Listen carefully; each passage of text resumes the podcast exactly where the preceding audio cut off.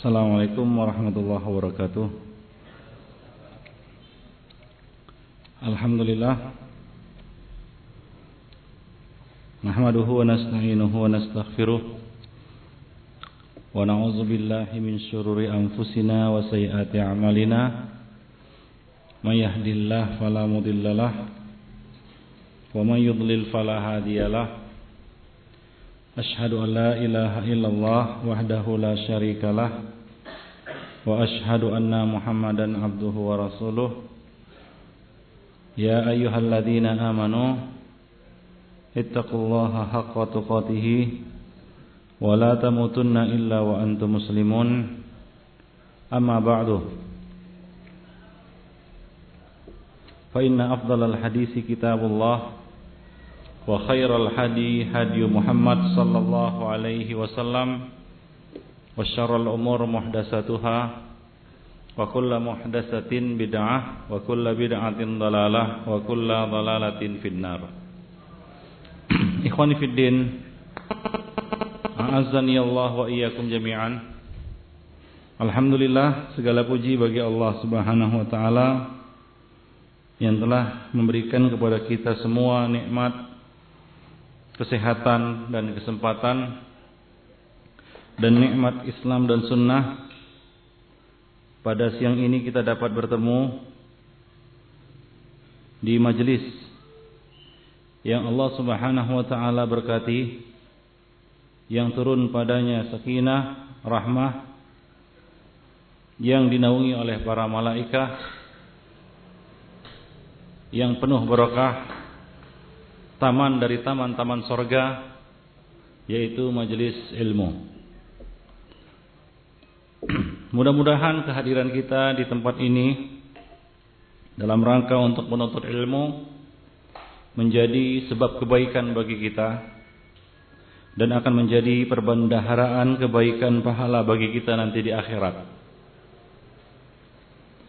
Salawat dan salam tidak lupa kita limpahkan untuk Nabi kita Muhammad sallallahu alaihi wasallam yang telah membimbing kita yang telah memberikan petunjuk dan jalan kembali kepada Allah Subhanahu wa taala kembali kepada tauhid kembali kepada sunnah kembali kepada jalannya Salawat dan salam tidak juga lupa kita limpahkan untuk keluarga beliau sahabat-sahabat beliau dan semua orang yang mengikuti beliau sampai hari kemudian kelak. Ikhwanifiddin, agama adalah nasihat. Ad-dinun nasihah. Lillahi wa li kitabihi wa li rasulihi wa li a'immatil muslimina wa ammatihim.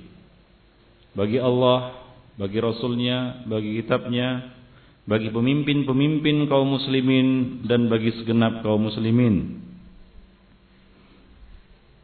Maka dari itu ikhwanifiddin kehadiran kita di sini adalah untuk saling bertanasuh, saling memperbaiki diri, saling membenahi diri, nasihat menasihati, meningkatkan kualitas il, iman dan amal soleh kita, meningkatkan ilmu kita, saling bertawasi bil haqqi was sabri wal marhamah. Mudah-mudahan kita terhindar dari orang-orang yang merugi.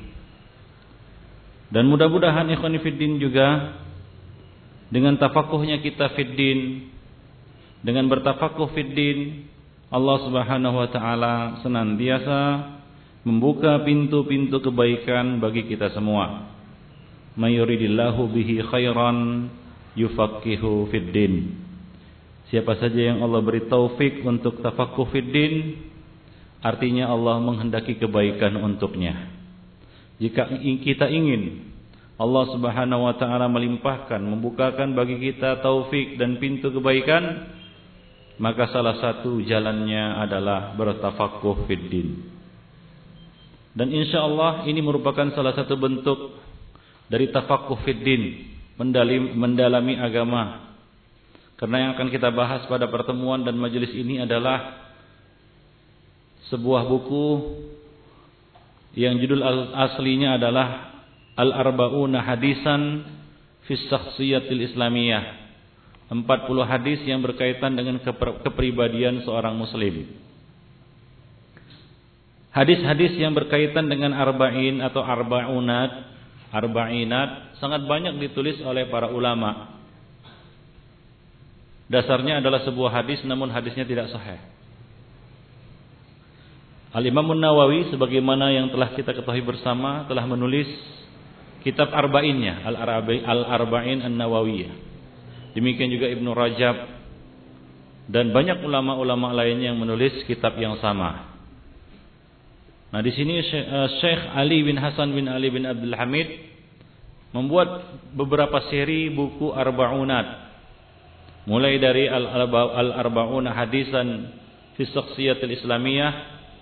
Di sana ada Al-Arba'una Hadisan lid-Da'i Da'wah dan beberapa buku lainnya yang isinya adalah rangkuman 40 hadis, kumpulan 40 hadis yang berkaitan tentang kepribadian muslim, yaitu bagaimana menjadi seorang muslim yang baik. Bagaimana menjadi seorang muslim yang baik.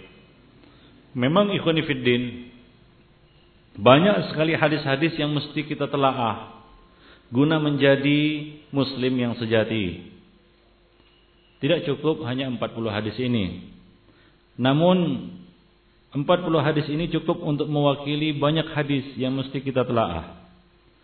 Jadi fungsinya adalah untuk takrib, pendekatan, lebih untuk lebih memudahkan kita memahami, mengamalkan, menerapkan bagaimana caranya menjadi muslim yang sejati. Bagaimana bagaimana caranya melekatkan kepribadian Islam pada diri kita hingga kita menjadi muslim yang Allah Subhanahu wa taala perintahkan kepada kita ya ayyuhalladzina amanu dukhulu fisilmi kafah wahai orang-orang yang beriman masuklah kamu ke dalam Islam dengan total sempurna. Islam adalah agama yang sempurna dan barang siapa yang mengamalkan menerapkan ajaran-ajaran Islam maka dia akan menjadi pribadi yang sempurna pula Nah kita mulai hadis yang pertama. Sama seperti kebiasaan para penulis yang lain Yang menulis kitab Al-Arba'unat Mereka membukanya dengan hadis Al-Ikhlas. Hadis Innamal a'malu bin niyat Ini merupakan tradisi. Para ulama hadis biasanya membuka buku mereka khususnya buku-buku yang merangkum di dalamnya hadis-hadis Rasulullah sallallahu alaihi wasallam dengan masalah niat. Dengan masalah niat. Insyaallah di dalam buku panduan amal sehari semalam ini yang akan kita kupas dan kita bedah pada hari Ahad esok bab pertama, poin pertama, pembahasan pertama yang akan dibahas di situ juga tentang niat. Niat ini sangat penting karena dia menjadi dasar sebuah amal. Sebelum amal itu ada, niat harus terlebih dulu ada. Karena tidak mungkin amal ada baru kemudian niatnya. Niat adalah sebagai pengantar, pendahulu bagi amal. Ya, tidak mungkin ada amal baru ada ada niat. Itu artinya amal tersebut tidak di diniatkan. Dan setiap amal itu sangat tergantung dengan niatnya. Sangat tergantung dengan kualitas niat. Sebuah amal akan menjadi tinggi nilainya karena niat. Dan akan jatuh harganya juga karena niat. Jadi di situlah perbedaan tingkat dan kualitas manusia. Di situlah perbedaan derajat dan martabat mereka. Misalnya dua orang kita katakan dua orang sama-sama mengerjakan salat. Sama-sama berpedoman kepada pedoman yang satu. Buku panduannya juga satu. Sifat salat Nabi. Dia salat, keduanya salat. Berdampingan. Mulai takbir sampai taslim, gerakannya sama persis. Apakah kualitas solat keduanya sama? Secara lahir sama. Tapi kalau saya tanya apakah kita katakan bahwa kualitas kedua orang ini sama?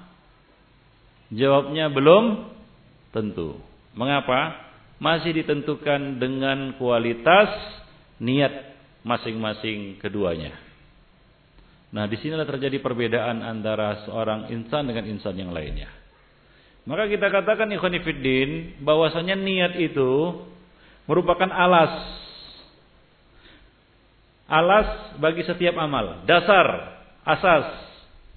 Dan dia juga menjadi puncak yang tertinggi bagi setiap amal. Jadi sebuah amal itu dibungkus dengan ikhlas, bawah dan atasnya. Maratibuddin, martabat-martabat yang ada di dalam agama ada tiga. Yang pertama, apa? Islam. Yang kedua iman. Yang ketiga apa? Ihsan. Apa itu ihsan? Ihsan adalah puncak keikhlasan di mana seseorang itu beramal seolah-olah dia melihat Allah, selalu merokobah. Selalu merasa berada di bawah pengawasan Allah Subhanahu wa taala. Bukan hanya jiwanya, bukan hanya raganya, bahkan jiwanya tidak berpaling dari Allah Subhanahu wa taala. Bukan hanya raganya saja, tapi jiwanya tidak berpaling dari Allah Subhanahu wa taala. Nah, ini adalah puncak dari keikhlasan. Dan itulah martabat tertinggi dalam agama, enggak ada lagi martabat yang lebih tinggi dari ihsan. Demikian ikhwan fillah azani Allah wa iyyakum jami'an. Maka dari itu sebuah amal bisa akan menjadi bernilai harganya karena niat.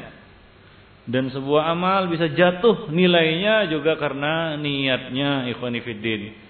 Azani Allah ikum jami'an. Oleh karena itu, pertama, sebelum kita melakukan amalan, kita harus meluruskan niat. Innamal a'malu bin niat. Sesungguhnya setiap amal itu tergantung niatnya. Niat orang yang mengamalkannya. Apa niatnya? Sejauh mana ketulusan, kebersihan, kesucian niatnya. Kalaulah niat itu ibarat kertas yang putih, maka dilihat apakah keikhlasannya itu ada noda yang akan mengotori keikhlasannya atau dia jaga tetap putih bersih sampai dia mengakhiri amalnya.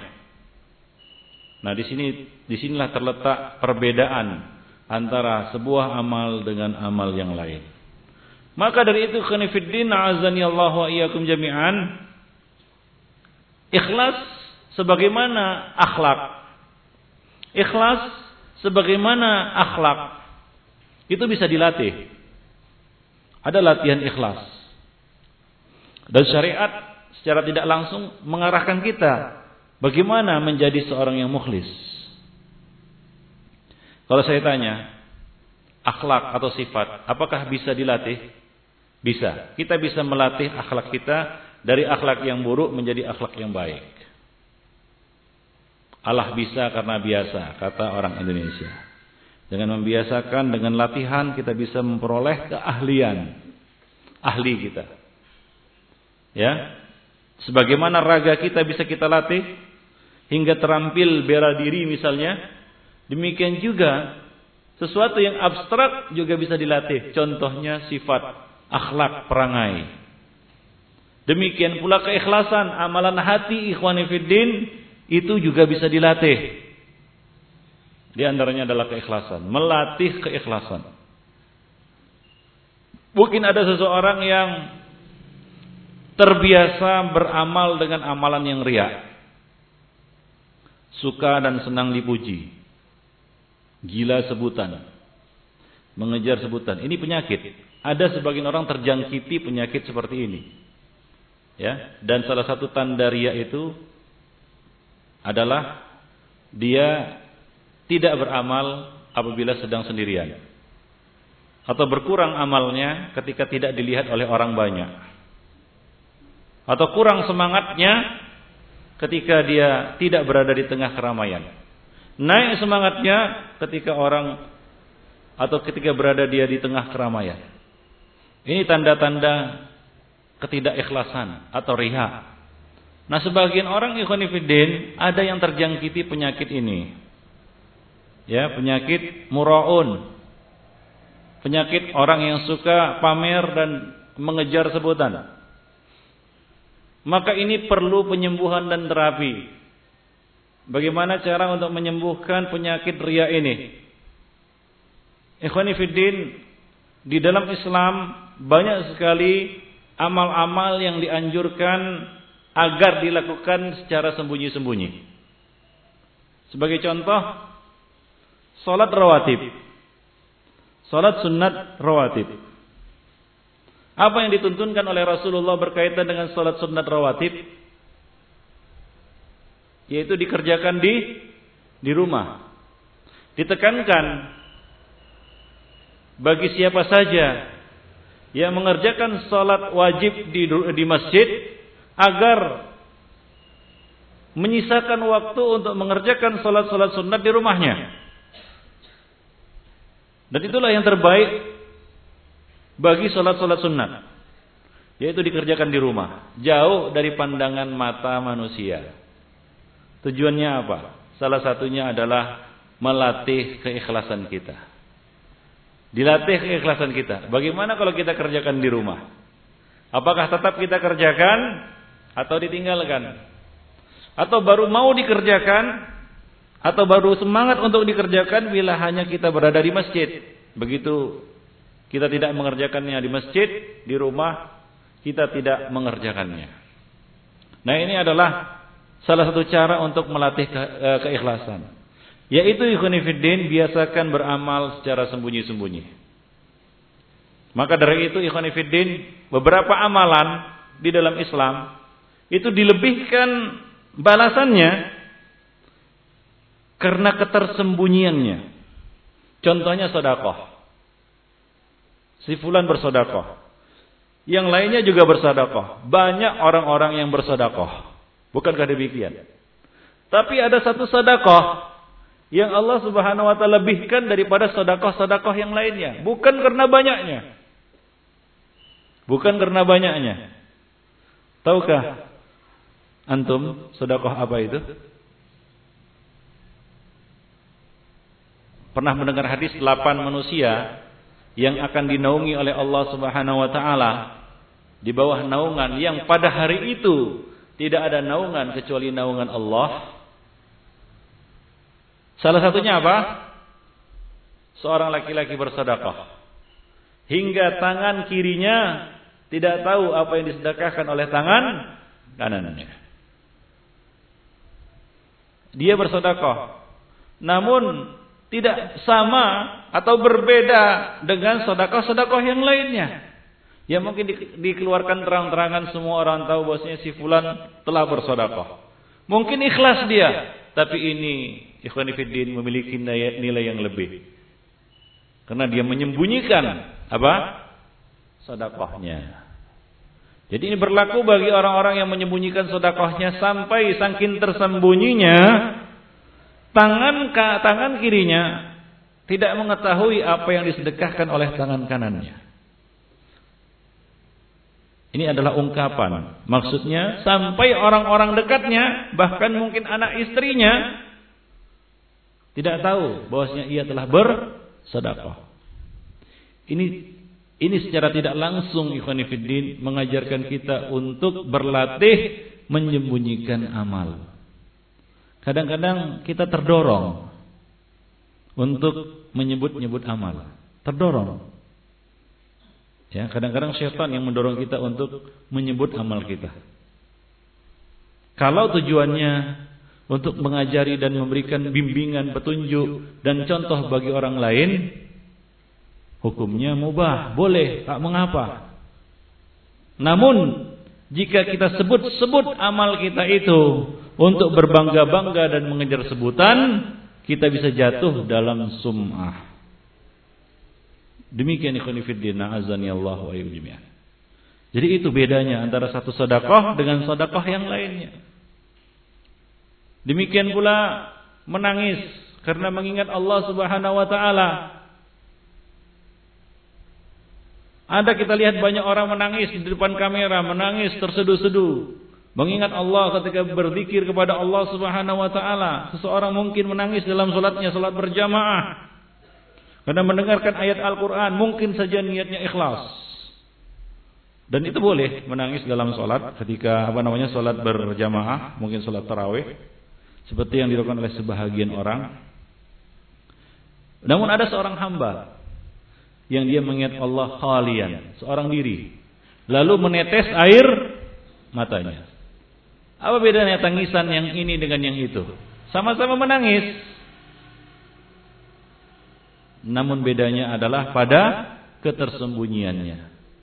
Orang ini menangis karena mengingat Allah Subhanahu wa taala seorang diri, tak ada yang tahu, ikhwan Ini juga merupakan anjuran dan berbeda. Di sini Allah Subhanahu wa taala memberikan kita katakan semacam keutamaan lebih daripada orang yang menangis tersebut. Yaitu Allah akan menaunginya pada hari di mana tidak ada naungan kecuali naungan Allah Subhanahu wa taala. Salah satunya adalah seorang laki-laki yang mengingat Allah seorang diri lalu meneteslah air matanya. Seorang diri, nggak ada yang tahu. Tak ada yang tahu. Mungkin seorang mengerjakan sholat pada malam hari seorang diri, dia menangis. Karena membaca firman Allah Subhanahu wa taala seorang diri dan, dan tidak ada yang tahu. Dahulu para salaf apabila mereka tersentuh hatinya karena mendengar nasihat atau untayan firman Allah Subhanahu wa taala, maka mereka menyembunyikan tangis mereka. Seperti orang pilek seolah-olah tidak menangis. Kenapa ikhwanifiddin untuk menyembunyikan amal? Nah di sinilah ya kita lihat bagaimana utamanya kita itu menyembunyikan amal kita. Menyembunyikan amal dalam rangka untuk menyelamatkan niat. Kenapa niat perlu diselamatkan? Karena niat itu letaknya dalam hati. Hati itu punya sifat. Sebagaimana tangan dan anggota tubuh kita yang lainnya juga punya sifat. Ya, punya karakter. Karakter hati itu adalah berbolak-balik. Maka dari itu ikhwan fillah Orang Arab menyebut hati ini dengan sebutan qalb, yaitu yang berbolak-balik. Rasulullah mengajarkan kita satu doa. Ya muqallibal qulub, tabbit qalbi ala dini. Kita minta keteguhan hati agar tidak mudah berbolak-balik. Karena hati manusia di antara dua dari jari jari Allah Subhanahu wa taala. Allah bolak-balikkan sekehendaknya, termasuk niat. Jadi niat perlu diselamatkan agar tidak mudah berbolak-balik. Sufyan, Sufyan mengatakan, "Ma'aladtu syai'an asyaddu alayya min niyati." Tidak ada sesuatu yang lebih sulit aku perbaiki selain daripada niatku sendiri. Niat kalau sudah melenceng, niat kalau sudah berbelok, sulit untuk diperbaiki, diluruskan kembali, Khonifuddin. Maka dari itu para ulama khususnya ulama-ulama al hadis sangat menekankan hadis ini di mukaddimah mukaddimah buku-buku mereka. Karena setiap amal itu tergantung niatnya. Apa niat kita? Apa tujuan kita? Apakah tujuan kita hanya sekedar mengejar keuntungan duniawi atau niat kita mengharapkan wajah Allah Subhanahu wa taala? Di situlah letaknya perbedaan antara seorang insan dengan yang lainnya. Ikhwani fiddin, azani Allah wa iyyakum jami'an. Dari Umar bin Al-Khattab radhiyallahu anhu qala qala Rasulullah sallallahu alaihi wasallam innamal a'malu binniyat wa innamal likulli imri'in ma nawa. Sesungguhnya setiap amalan itu bergantung dengan niat-niatnya dan sesungguhnya setiap orang akan mendapatkan apa yang dia niatkan. Besar kecilnya pahala itu tergantung dengan niat. Tergantung niat ikhwanifiddin. Bahkan dengan niat kita akan memperoleh pahala dari amalan yang belum kita lakukan. Apabila punya kita punya niat yang lurus dan benar punya tekad yang benar untuk mengamalkan satu amalan walaupun kita belum sempat mengamalkannya kita sudah mendapatkan pahala dari niat tersebut wa inna malikul limriin manawa sungguhnya setiap orang akan mendapatkan apa yang dia niatkan menurut kadar niatnya ikhwani fiddin. Menurut kadar niatnya. Jika baik maka akan baik pula. Jika rusak maka akan rusak pula balasannya. Ya. Salah satu sifat orang-orang munafik adalah yuraunan nas, suka berbuat riak kepada manusia. Yaitu pamer amalan kepada manusia, memamerkan amalan kepada manusia. Ini adalah penyakit yang mana ikhwani fiddin pada hari kiamat nanti ada tiga orang yang akan diadili pertama kali di hadapan Allah Subhanahu wa taala. Seorang mujahid, seorang alim dan seorang yang berinfak. Namun tiga-tiganya gagal dan tergelincir dilemparkan ke dalam api neraka. Ternyata ketiga-tiganya gagal di dalam niatnya. Bukan gagal di dalam amal. Amal sudah mereka lakukan. Yang berjihad sudah mati meregang nyawa karena jihadnya. Seorang alim sudah menghabiskan usianya untuk menuntut ilmu dan menyebarkannya. Orang kaya itu telah mengeluarkan hartanya. Hartanya sudah tidak ada lagi di tangannya. Mereka sudah beramal. Namun mereka gagal dalam niat. Mereka gagalnya di mana? Di niatnya. Ikhwanifiddin rahimani wa rahimakumullah jami'an. Dan setan ikhwanifidin juga mengincar dua hal ini. Seorang hamba, seorang anak manusia itu diincar dari dua pintu ini. Kalau sudah lurus niatnya maka dari pintu yang lain yaitu apa? Amalnya. Dirusak amalnya. Kalau sudah bagus amalnya, maka apa yang dirusak oleh setan? Niatnya, dikacau niatnya ikhwan fillah. Maka kita harus menjaga ini. Apalagi ikhwanifidin yang paling susah dan sukar untuk dijaga itu adalah pekerjaan hati. Amalul qalbi. Amal kal kalbu. Itu yang lebih sulit untuk dijaga. Sebab kalau untuk menjaga amal-amal lahiriah kita, itu ada orang lain yang mengoreksi. Kalau kita sholat salah sujudnya, Nanti ada datang saudara kita mengatakan ya fulan itu salah cara sujudnya. Tak sesuai sunnah Rasulullah. Kalau kita mengerjakan sholat tidak pada tempat dan waktunya mungkin ada akan ada nanti saudara kita yang akan mengoreksi hai fulan ini sholat nggak ada contohnya kalau kita melakukan satu amalan yang ternyata tidak ada tuntunan, tuntunannya dari sunnah Rasulullah, mungkin di sana akan ada saudara kita yang akan menegur, wahai pulan, itu amalan adalah amalan bid'ah. Mungkin di sana akan ada saudara-saudara kita yang akan menegur. Namun niat ada yang menegur. Ada yang menegur. Kita sholat, sama-sama sholat, lalu datang saudara kita mengatakan, Hai fulan, solat kamu tidak ikhlas. Tidak ada. Siapa yang tahu ikhlas atau tidaknya? Yang beramal dan Allah subhanahu wa ta'ala. Hanya Allah subhanahu wa ta'ala dan orang yang beramal itulah yang mengetahui sejauh mana keikhlasannya di dalam beramal. Nah demikian ikhwanifiddin. Ra'azani Allah wa ayyuhum maka Rasulullah sallallahu alaihi wasallam menjelaskan di sini, "Faman kanat hijratuhu ila Allah wa rasulih, fa hijratuhu ila wa rasulih. Wa man kanat hijratuhu ila dunya yusibuha wa imra'atin yankihuha, fa hijratuhu ila ma hajara ilaih." Rasulullah mencontohkan satu amalan yaitu hijrah. Barang siapa hijrahnya untuk mengejar wanita dan dunia, maka dia akan mendapatkan wanita dan dunia itu. Barang siapa mengejar ridha Allah dan semata-mata melaksanakan perintah Rasulullah, maka dia akan mendapatkan pahala dari hijrahnya dari Allah Subhanahu wa taala. Innamal a'malu bin binniyat. Hadis yang kedua ikhwan fillah An Ibnu Umar radhiyallahu anhu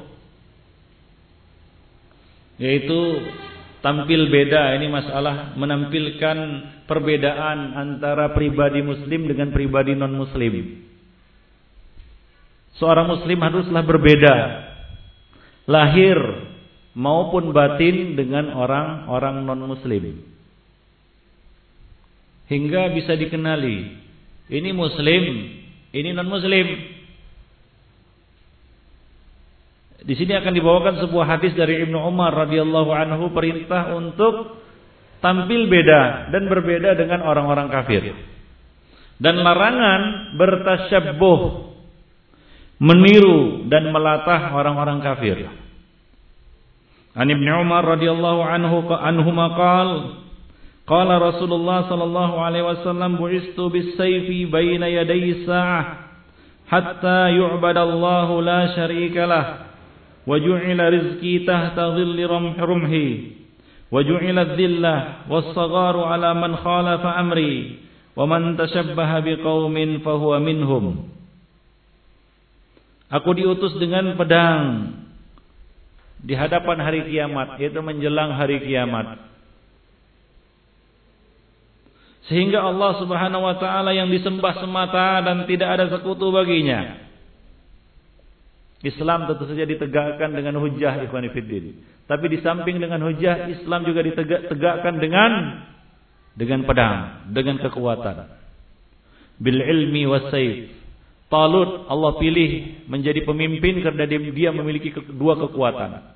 Zadahu bastatan fil ilmi wal jismi. Punya kekuatan ilmu, hujah, argumen dan punya kekuatan jism, fisik, dan pedang merupakan salah satu tanda, alamat, simbol kekuatan fisik. Jadi Islam ditegakkan dengan dua kekuatan ikhwanifiddin. Kekuatan yang sifatnya lahiriah, materi, fisik dan kekuatan yang sifatnya maknawi, hujah dan bayan. Bahkan kekuatan hujah dan bayan ini lebih dominan daripada kekuatan fisik. Kalau kita lihat sejarah kaum muslimin, Islam tersebar lebih banyak tersebar dengan dakwah, dengan hujah, dengan argumen yang kuat yang tidak yang tidak bisa dipatahkan oleh musuh-musuh Islam. Namun di sana ada juga penaklukan-penaklukan yang dilakukan dengan saif, dengan pedang. Jadi dua kekuatan ini saling melengkapi satu sama lainnya. Jadi kaum muslimin tidak boleh menutup mata dari kekuatan fisik ini. Umat Islam harus juga memiliki kekuatan pedang. Di samping memiliki kekuatan hujah dan ilmu. Rasulullah sallallahu alaihi wasallam nabi yang Allah utus juga mempersiapkan kekuatan. Wa'iddu lakum mastata'tum min quwwah. Ala innaku innal quwwata ar-ramyu. Ketahuilah kekuatan yang dimaksud di sini adalah apa? Memanah persenjataan itu merupakan simbol kekuatan. Jadi kaum muslimin harus kuat juga di bidang ini. Kalau dia tidak, kalau mereka tidak kuat di bidang ini, maka mereka akan menjadi santapan orang-orang kafir. Seperti halnya kaum muslimin pada hari ini. Mayoritas akan tetapi menjadi santapan minoritas. Berapa gelintirlah jumlah orang Yahudi. Namun umat Islam mereka jadikan sebagai santapan. Hampir sama atau mendekati seperti yang Rasulullah Sallallahu Alaihi Wasallam katakan, Bal antum yawma idin kathir. Jumlah kalian pada saat itu banyak. Walakinnakum gusaun kagusa isail. Namun kalian seperti buih yang dibawa oleh banjir. Enggak ada mutu, nggak ada kualitas, nggak ada kekuatannya, nggak ada sesuatu pun yang bisa diandalkan dari kaum muslimin sekarang ini. Baik kekuatan ilmu maupun kekuatan pedangnya, kekuatan fisik dan materinya. Ikhwani fiddina azani Allah wa iyyakum jami'an. Rasulullah diutus dengan membawa pedang, kekuatan pedang, persenjataan. Di samping kekuatan apa? Kekuatan hujjah, kekuatan ilmu ikhwani fiddin. Hingga hanya Allah Subhanahu wa taala yang disembah dan tidak ada sekutu baginya hingga ditegakkan tauhid. Jadi kekuatan pedang itu dibutuhkan dan digunakan untuk melindungi dakwah tauhid dan untuk menegakkan tauhid. Bukan untuk mengejar kekuasaan. Karena kekuasaan bukan tujuan utama. Tujuan utama adalah menegakkan tauhid, menyebarkan tauhid. Secara otomatis Allah akan menjanjikan kekuasaan, keamanan di atas muka bumi bagi siapa saja yang ya'budunani wa la yusyriku nabi syai'a. Orang-orang yang menyembah Allah semata dan tidak mempersekutukan Allah dengan sesuatu yang lainnya. Kemenangan Allah syaratkan dengan tauhid, ikhwani fiddin. A'azzani Allah Dan pendukungnya adalah kekuatan senjata, hujjah dan bayan. Wa ju'ila rizki tahta dhilli ramhi dan telah dijadikan rezekiku di bawah naungan tombakku. Rasulullah Shallallahu Alaihi Wasallam dihalalkan untuk mengambil harta ghanimah yang sebelumnya tidak dihalalkan bagi nabi-nabi sebelum beliau. Lalu dihalalkan untuk umat ini, untuk nabi umat ini. Demikian juga harta fai. Seperlima harus diserahkan kepada Allah dan Rasulnya. Waju'ila dhillatu was-saghar ala man khalafa amri.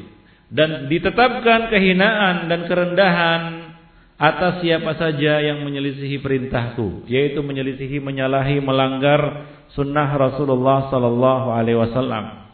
Ini merupakan bukti ikhwanifiddin bahwa menyalahi, melanggar sunnah Rasulullah merupakan sebab kehinaan dan sebab kekalahan.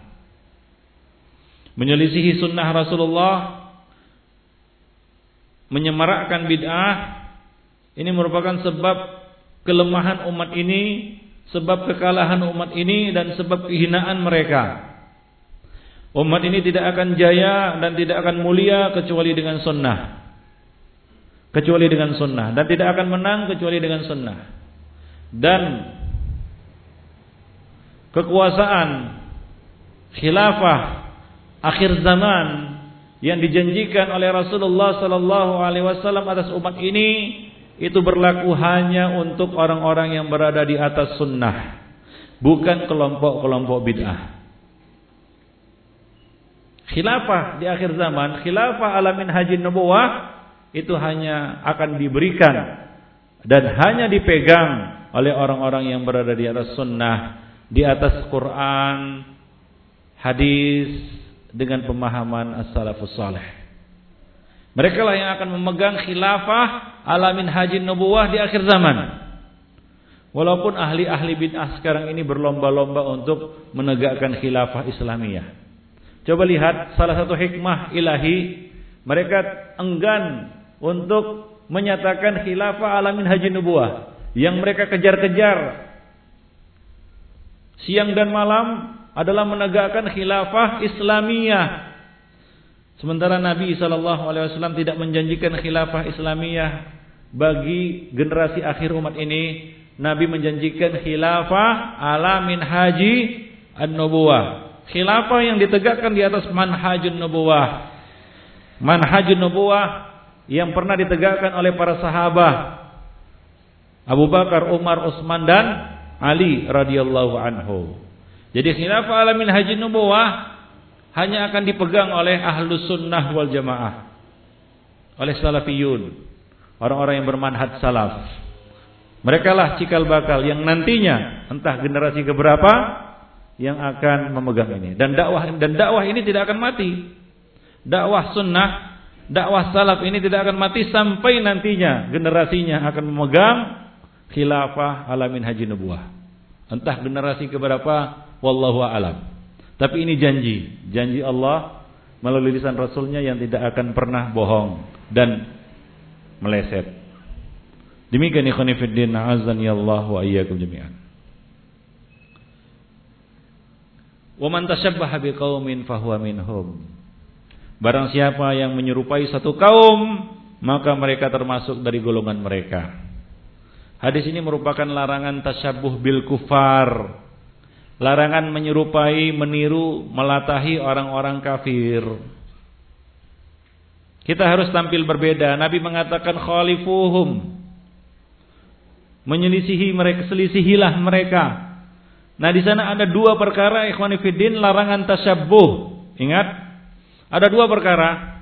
Yang pertama larangan tasyabbuh.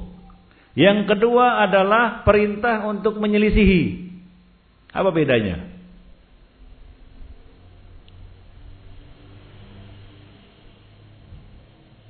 Apa bedanya? Larangan tasyabuh dan perintah untuk menyelisihi. Yang pertama lebih khusus, yang kedua lebih luas. Yang pertama wajib, yang kedua dianjurkan. Contohnya larangan tasyabuh, larangan meniru orang kafir, yaitu di dalam hal-hal ibadah mereka, ritual-ritual mereka, perkara-perkara menjadi ciri khas ibadah mereka, pendekatan diri mereka kepada Tuhan mereka. Kita dilarang tasyabuh, hukumnya haram. Seorang muslim misalnya meniru ya, ibadah orang kafir.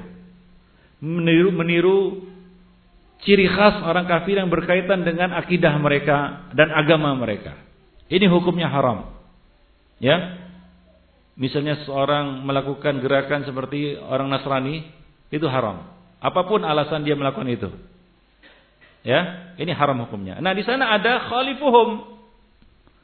Selisihi mereka dalam segala hal walaupun hal-hal itu sebenarnya tak mengapa kita ya melakukan seperti yang mereka lakukan, hal-hal duniawi yang tidak berkaitan dengan agama mereka, hal-hal duniawi.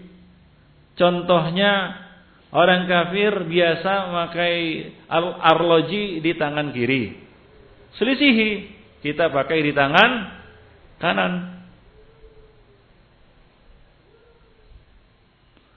Mereka biasa di dalam penulisan membuat garis bawah, kita garis atas. Dan hal-hal lain, hal-hal mubah yang kalaupun kita melakukan itu tidak mengapa. Karena itu bukan ciri eh, kita katakan ciri khas yang berkaitan dengan ibadah mereka. Kalau ada muslim memakai jam di sebelah kiri, di tangan kiri, apa hukumnya? Ya nggak apa-apa. Tapi lebih baik kita melakukan anjuran Nabi, khalifuhum, selisihi mereka, pakai kita tangan kanan. Asal jangan antum pakai kacamata ke belakang. Tentu tidak akan antum melakukan itu. Itu dalam perkara-perkara yang apa ikhwanifiddin? Yang mubah. Nabi mengatakan khalifuhum. Maka dalam segala hal kita berusaha untuk menyelisihi mereka. Itulah kebiasaan Nabi sallallahu alaihi wasallam. Dalam segala hal Nabi sallallahu alaihi wasallam menyuruh sahabat-sahabatnya untuk berbeda dengan mereka, dengan ahli kitab. Ya, dengan ahli kitab. Hingga mereka orang-orang Yahudi mengatakan sesungguhnya sahabat kalian ini, rekan kalian ini maksudnya Rasulullah tidaklah ada satu perkara pun melainkan ia berusaha untuk tampil beda atau berbeda dengan kami.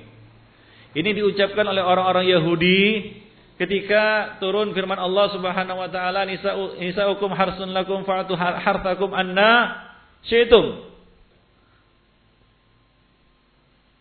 Istri-istri kalian adalah ladang bagi kalian. Silakan kalian silakanlah kamu datangi dari mana dari arah mana pun kamu suka. Yaitu orang-orang Yahudi menganggap tabu mendatangi istri dari belakang. Dari arah belakang. Mereka katakan barang siapa yang mendatangi istrinya dari arah belakang maka anaknya juling. Juling tahu? Ya, tahu juling? Matanya rusak, apa nih kiru kalau bisa kiru atau kiru? Ya sama saja. Juling. Maka turunlah ayat tadi. Rasulullah sallallahu alaihi wasallam mengatakan ya datangilah dari depan dari belakang asalkan di satu tempat. Nah saat itulah orang-orang Yahudi mengatakan sesungguhnya rekan kalian ini tidak ada satu perkara pun sampai masalah-masalah seperti itu berusaha untuk berbeda dengan kami. Ya. Nabi mengatakan, bersihkanlah pekarangan kalian, tahiru afniyatakum fa innal yahud la yutahiru afniyatahum. Bersihkan halaman rumah kalian karena orang Yahudi tidak membersihkan pekarangan rumah mereka. Nah, dalam hal membersihkan pekarangan rumah, Rasulullah memerintahkan kita untuk membersihkan halaman. Kalaulah halaman saja perlu dibersihkan apalagi dalam rumah.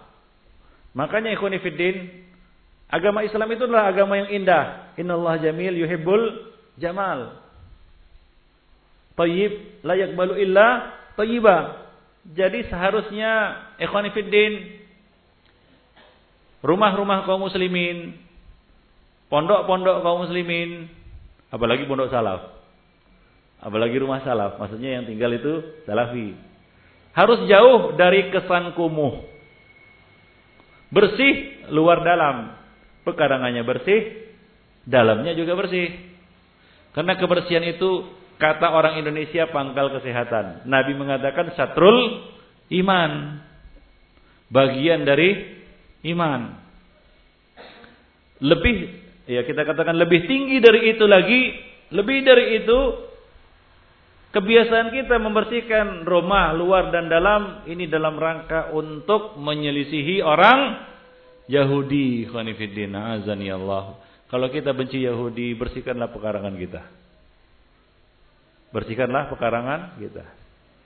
Masih banyak kita lihat rumah-rumah kaum muslimin yang jauh dari kesan bersih.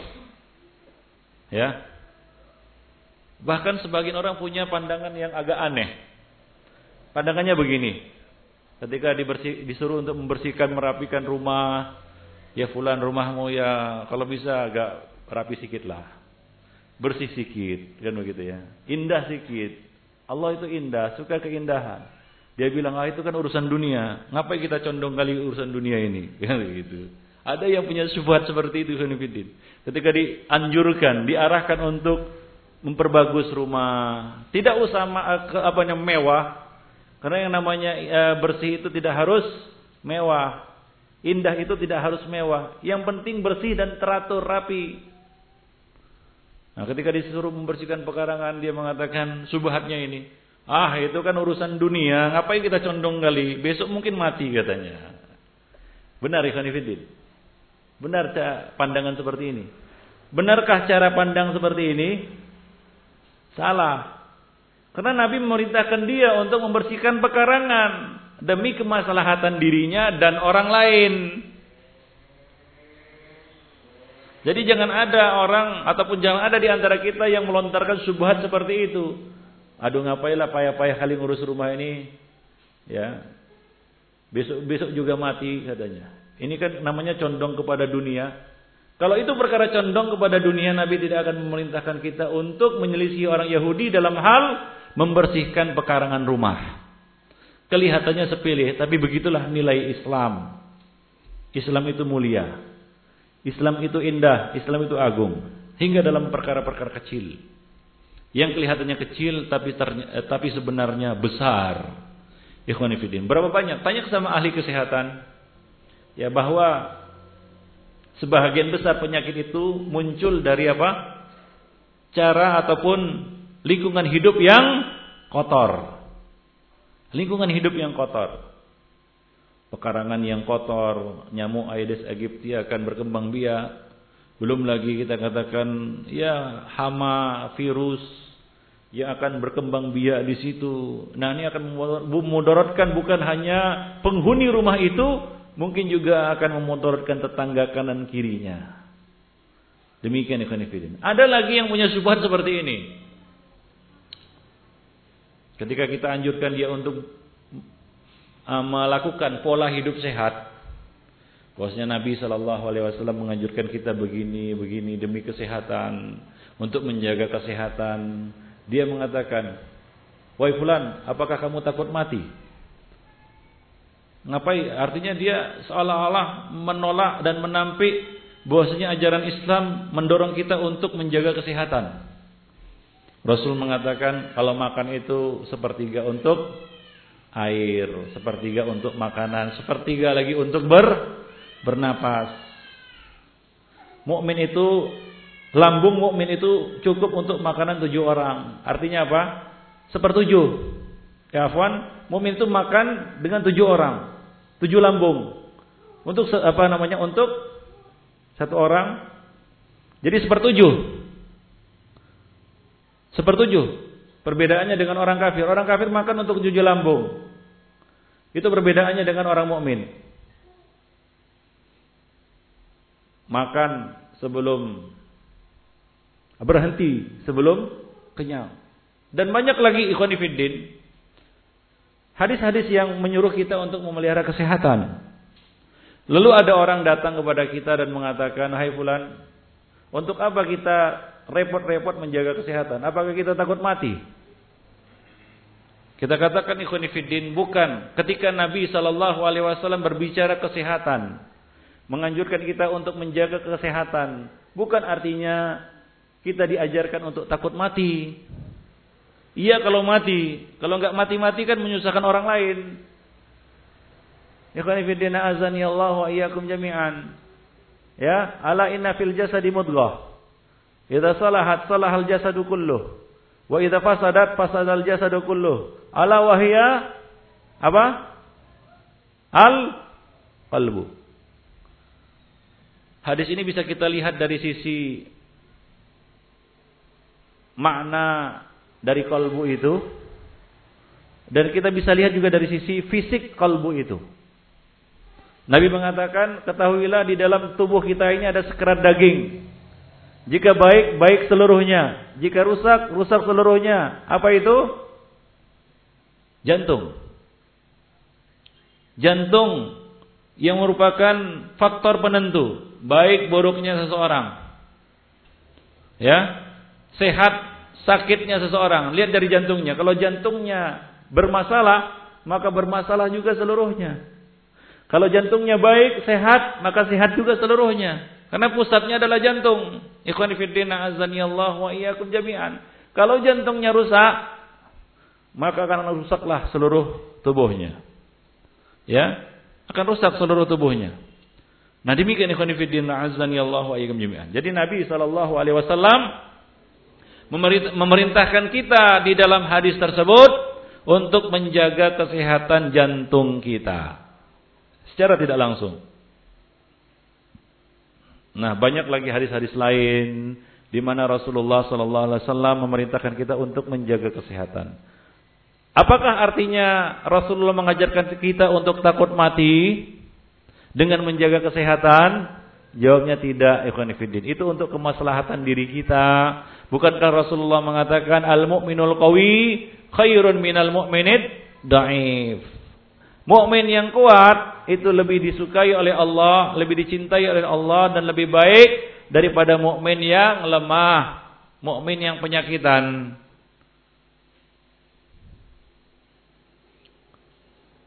Jadi yang menjadi tinjauan di sini adalah sehatnya Orang yang gemuk belum tentu sehat.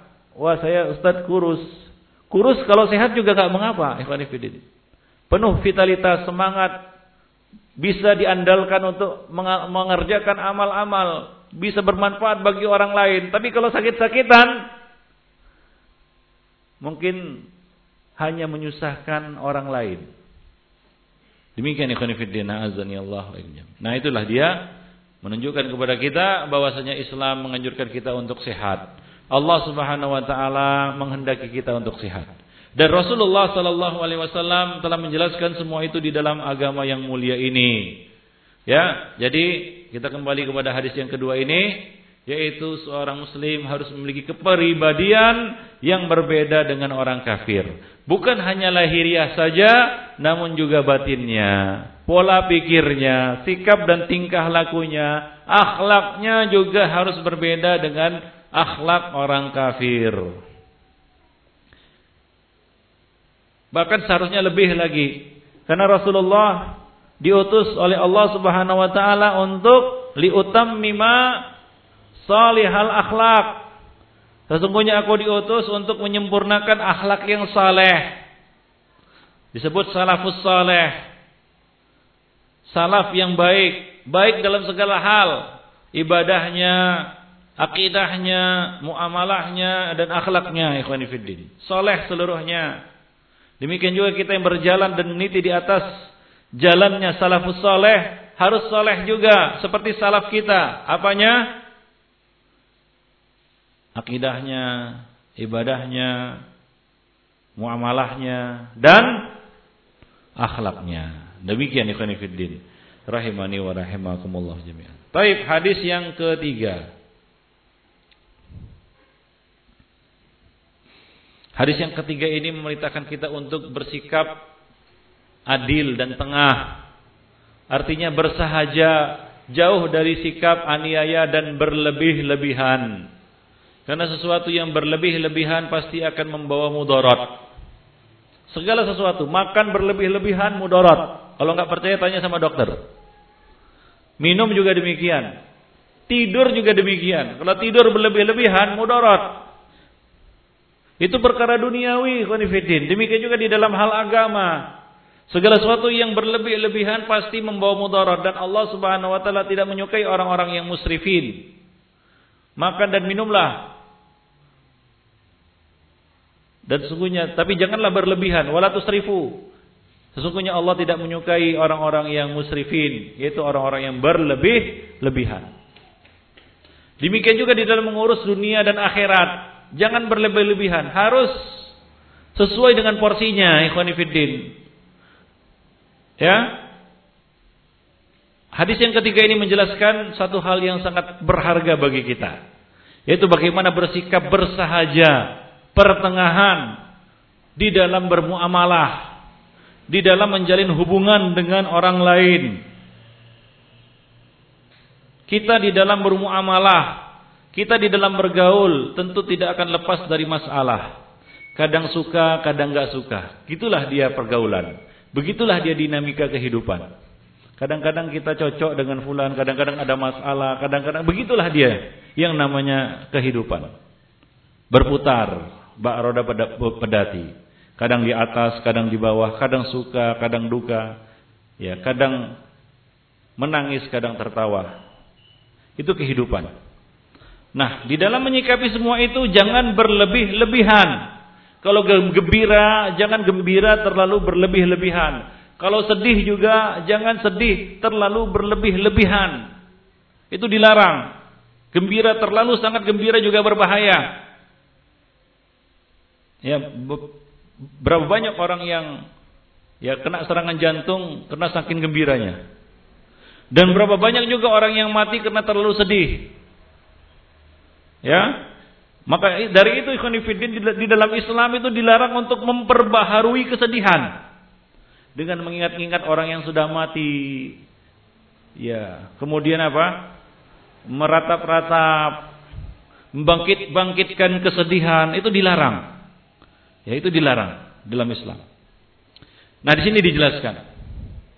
An Abi Hurairah radhiyallahu anhu Qala qala Rasulullah sallallahu alaihi wasallam ahbib habibaka haunan ma asa an yakuna baghidaka yawman ma wa abghid baghidaka eh, baghidaka haunan ma asa an yakuna habibaka yawman ma Cintailah orang yang kamu cintai sekadarnya saja. Karena bisa saja suatu hari nanti dia akan menjadi orang yang kamu benci. Bencilah orang yang kamu benci sekadarnya saja. Karena bisa saja satu hari nanti dia akan menjadi orang yang yang kamu cintai. Jadi pertengahan, bersahaja dalam bersikap. Nah ini penting ikhwan fillah. Rahimani wa rahimakumullah jami'an. Ya. Enggak ada pada diri seorang itu keburukan mutlak dan kebaikan mutlak kecuali nabi. Nabi yang ada hanyalah kebaikan mutlak. Dan tidak ada keburukan mutlak kecuali iblis. Iblislah yang punya keburukan mutlak. Maka dari itu khanifidin di dalam ber, bergaul. Apalagi dengan seorang muslim. Apalagi sesama salaf. Ya kadang-kadang ada selek istilahnya. Yaitu apa? Perselisihan, pertengkaran. Nabi mengatakan batas waktunya tiga hari. Kalau kita benci kali kepada seseorang, marah kali kita karena satu hal, karena dia dia dia mengkhianati kita misalnya, atau dia menyakiti kita, atau sebel kali kita melihatnya karena tingkahnya, maka Allah Subhanahu wa taala yang menciptakan manusia mengetahui kondisi ini, Allah memberikan batas waktu sampai tiga hari. Setelah itu tak boleh dilanjutkan. Yang paling bagus adalah yang paling baik adalah yang memulai salam. Berapa banyak kasus dan kejadian seseorang yang kita benci ternyata satu hari kelak menjadi orang yang kita paling kita sukai. Namun karena sudah sudah terka, eh, kalau kita terlanjur berlebih-lebihan ya kadang-kadang kita juga tidak bisa mendekat kepadanya padahal kita sudah cocok dengannya misalnya. Tapi apa apa apa lacur? Kita sudah terlanjur benci sekali, tertanam dalam hati, susah untuk mencabutnya. Hingga untuk dekat kepadanya padahal kita membutuhkannya, membutuhkan pertolongannya, kita jadi terhalang. Karena ini adalah mudarat bersikap berlebih-lebihan di dalam mencinta atau membenci khonifuddin. Azani Allah wa iyyakum jami'an. Jadi bersikaplah bersahaja, jangan berlebih-lebihan. Seorang muslim harus pertengahan ketika mencintai dan membenci. Dia harus pertengahan ketika mengambil dan memberi. Dia harus pertengahan dalam segala hal. Itulah dia umat Muhammad, ummatan wasata. Umat yang tengah dalam segala hal, ikhwanifidin. Ya, kita tidak boleh lengah, lalai, menyepelekan dan kita tidak juga boleh berlebih-lebihan. Sebaik-baik perkara adalah yang pertengahan. Demikian pula di dalam hal membenci dan mencinta ikhwanifidin. A'azzani Allah wa iyyakum jami'an. Taib. Kemudian hadis yang keempat, seorang muslim harus memiliki kepribadian yaitu bisa berkorban, mau berkorban. Apalagi untuk saudaranya. Pengorbanan diri. Direk dari Al-Ala bin Ziyad qala qala rasul qala sa'ala rajulun Abdullah ibn Amr ibn al-As faqala ayyul mu'minina afdalu islaman? Seorang laki-laki bertanya kepada Abdullah bin Amr bin al-As siapakah orang mukmin yang paling afdal Islamnya? Qal maka ia menjawab man salimal muslimuna min lisanihi wa yadihi. Yaitu orang muslim yang selamat muslim lainnya dari gangguan lisan dan tangannya. Dari gangguan lisan dan tangannya. Yaitu tidak merugikan orang lain. Kita harus mengambil sikap seperti ini dalam hidup. Mukmin itu adalah cermin bagi mukmin yang lainnya. Ya, kama tadi nutudan hal jazaul ihsan illal ihsan. Balasan baik itu kebaikan, balasan buruk itu keburukan. Bagaimana kamu berbuat, begitulah kamu diperlakukan. Mukmin itu adalah cermin bagi mukmin yang lainnya. La yu'minu ahadukum hatta yuhibba li akhihi ma yuhibbu li nafsihi min khairin. Kita harus bisa bercermin dari orang lain, ikhwan fillah. Kita harus bisa memahami orang lain jika kita ingin dipahami.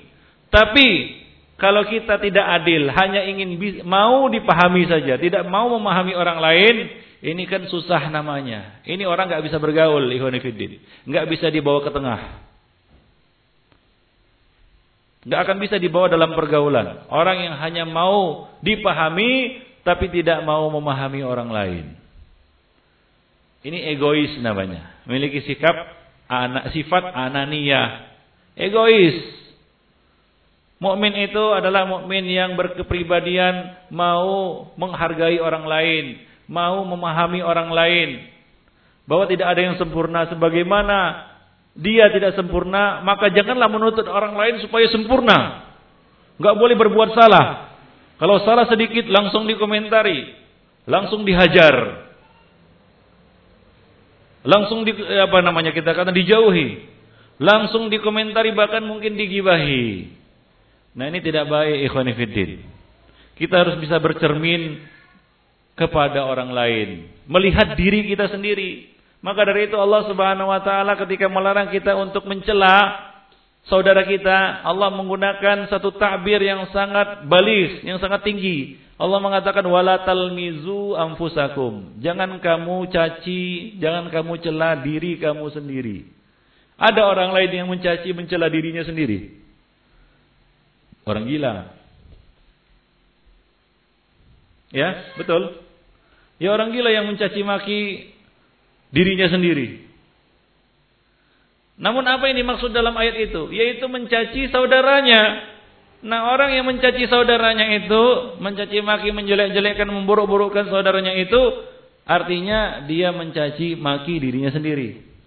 Artinya sama dengan apa? Apa tadi? Orang orang gila, ikhwanifiddin. Jadi kita harus menjauhi hal ini. Ada sebuah hadis. Suatu ketika orang-orang duduk bersama Rasulullah sallallahu alaihi wasallam. Lalu ada yang bercerita, "Ya Rasulullah fulanah dia rajin salat malam, dia rajin berpuasa pada siang hari. Akan tetapi dia suka menyakiti tetangganya dengan lisannya. Menyakiti tetangganya dengan lisannya. Maka apa kata Nabi? La khaira fiha. Tidak ada baik kebaikan pada dirinya. Hiya finnar, dia di dalam neraka. Orang ini atau perempuan ini bukanlah perempuan yang tak beramal. Bukanlah perempuan yang melalaikan hablun minallahnya. Dia rajin puasa, dia rajin salat, dia rajin ibadah, Bahkan bukan hanya ibadah yang wajib-wajib saja. Bahkan ibadah-ibadah yang sifatnya sunat. Semua dikerjakannya. Namun sayang. Dia gagal dalam membina hablun minan nas. Dia menyakiti tetangganya bukan dengan tangannya. Bukan dengan kakinya. Bukan dia lempari rumah tetangganya itu. Bukan. Tapi menyakitinya dengan apa? Lisan. Maka Nabi mengatakan la khaira fiha. Enggak ada kebaikan pada dirinya. Hiya finnar, bahkan dia dalam neraka. Gara-gara lisannya ikhwani fiddina. Jadi kita harus menjaga lisan dan tangan kita dari mengganggu muslim yang lain. Qal fa ayyul jihadi afdal? Jihad apakah yang paling afdal? Qala man jahada nafsahu fi fi dzatillah. Yaitu orang-orang yang berjihad memerangi dirinya untuk mencari keridhaan Allah. Memerangi hawa nafsunya. Memerangi keburukan-keburukan diri dan perbuatannya demi menegakkan, demi mengejar, mencari ridha Allah Subhanahu wa taala. Berjihad melawan hawa nafsu itu adalah salah satu bentuk jihad ikhwan fillah. A'azzani Allah wa iyyakum jami'an. Al-mujahidun man jahada nafsahu. Orang seorang mujahid itu salah satunya adalah orang yang berjihad melawan hawa hawa nafsu fi dalam rangka meraih ridha Allah Subhanahu wa taala. Qal fa ayyul muhajirina afdal?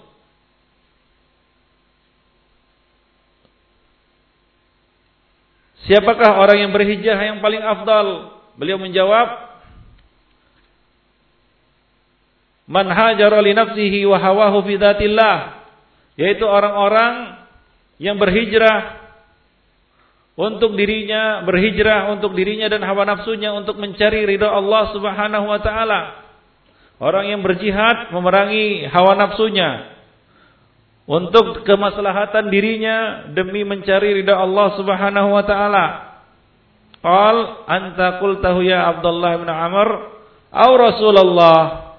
Wahai Abdullah bin Amr, jawaban tadi engkau yang menjawabnya atau Rasulullah? Maka dia mengatakan bal Rasulullah sallallahu alaihi wasallam. Ya, bahwa itu adalah perkataan Rasulullah sallallahu alaihi wasallam. Jadi seorang muslim harus bisa memerangi dirinya sendiri. Ya menundukkan dirinya sendiri, melawan hawa nafsunya ikhwan dalam rangka mengejar dan mencari menggapai ridha Allah Subhanahu wa taala. Baik ikhwan Uh, di sini asar jam berapa? Jam? Jam berapa? Jam 3. Ya, jadi kita sholat asar dulu nanti kita lanjutkan sudah asar insya Allah. Demikian ya untuk sesi yang pertama.